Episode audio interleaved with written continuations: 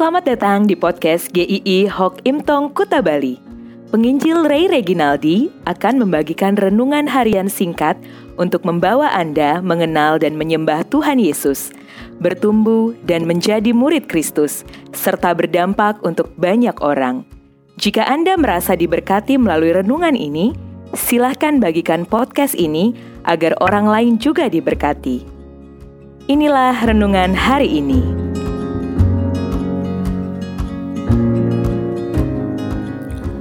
Bukan transaksi. Mazmur 73 ayat 26.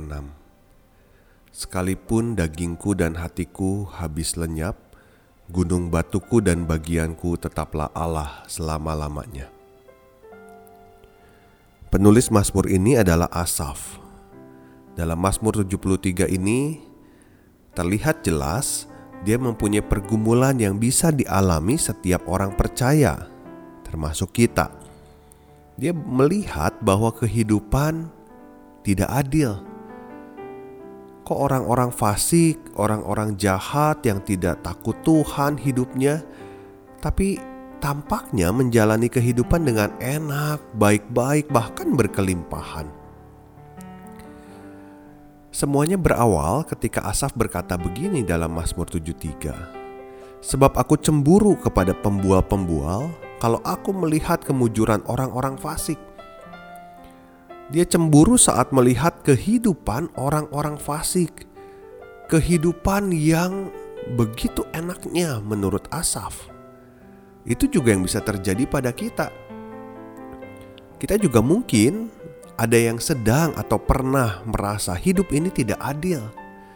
Ketika kita melihat orang-orang yang hidupnya tidak takut Tuhan, yang melanggar sana sini, justru bisa menikmati hidupnya, bahkan hidupnya mewah. Sebenarnya, Asaf bukan orang sembarangan. Dia adalah pelayan Tuhan di bait Allah. Dikatakan juga dia yang memimpin umat memuji Tuhan. Tetapi mengapa dia bisa sampai kesimpulan seperti itu bahwa hidup ini tidak adil? Berarti dia juga mengatakan di waktu itu Tuhan juga tidak berlaku adil kepadanya. Karena dia mengukur Tuhan sebagai hubungan transaksi atau sebab akibat. Kalau saya hidup baik, maka Tuhan harusnya semakin memberkati saya. Sebaliknya, kalau orang itu jahat, maka hidupnya sepantasnya adalah sengsara. Sehingga Asaf berkata, "Sia-sia sama sekali aku mempertahankan hati yang bersih dan membasuh tanganku, tanda tak bersalah. Namun sepanjang hari aku kena tulah dan kena hukum setiap pagi."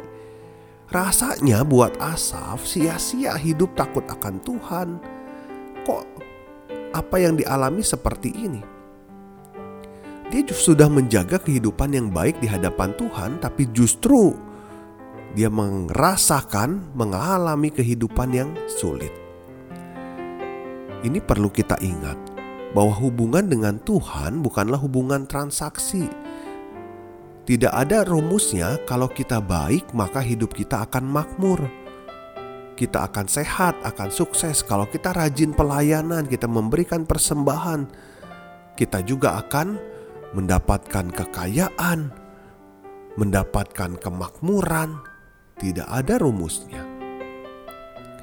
Pergumulan Asaf bisa jadi pergumulan kita juga.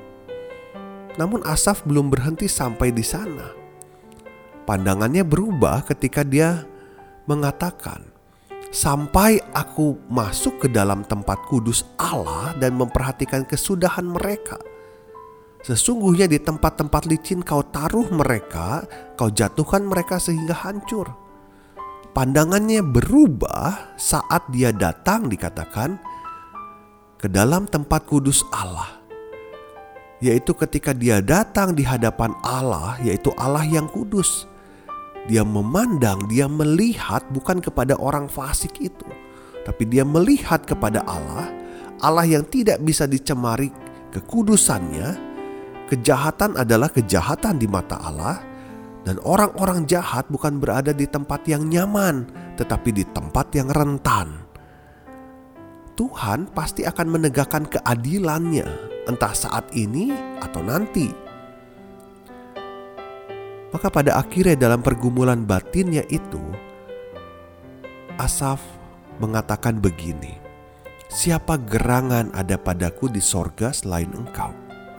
Selain engkau tidak ada yang kuingini di bumi. Sekalipun dagingku dan hatiku habis lenyap, gunung batuku dan bagianku tetaplah Allah selama-lamanya. Asaf memandang kehidupan bersama Tuhan bukan kehidupan transaksi lagi. Kehidupan ini bisa dinikmati atau tidak bukan karena segala sesuatu berjalan lancar, bukan karena berkelebihan, bukan karena kesehatan, tetapi saat hidup di dalam Tuhan yang merupakan sumber perlindungan. Memiliki segala sesuatu di dalam dunia ini, tetapi tidak memiliki Tuhan, itu tidak ada artinya. Ingat, kita diselamatkan di dalam Tuhan Yesus bukan karena transaksional juga bukan karena kebaikan kita, bukan karena persembahan kita, bukan karena amal kita, semua karena kasih karunia Tuhan Yesus. Maka di dalam menjalani hidup kita pun, kita harus menjalani dengan ingat akan kasih karunia Tuhan yang tak ternilai harganya ini.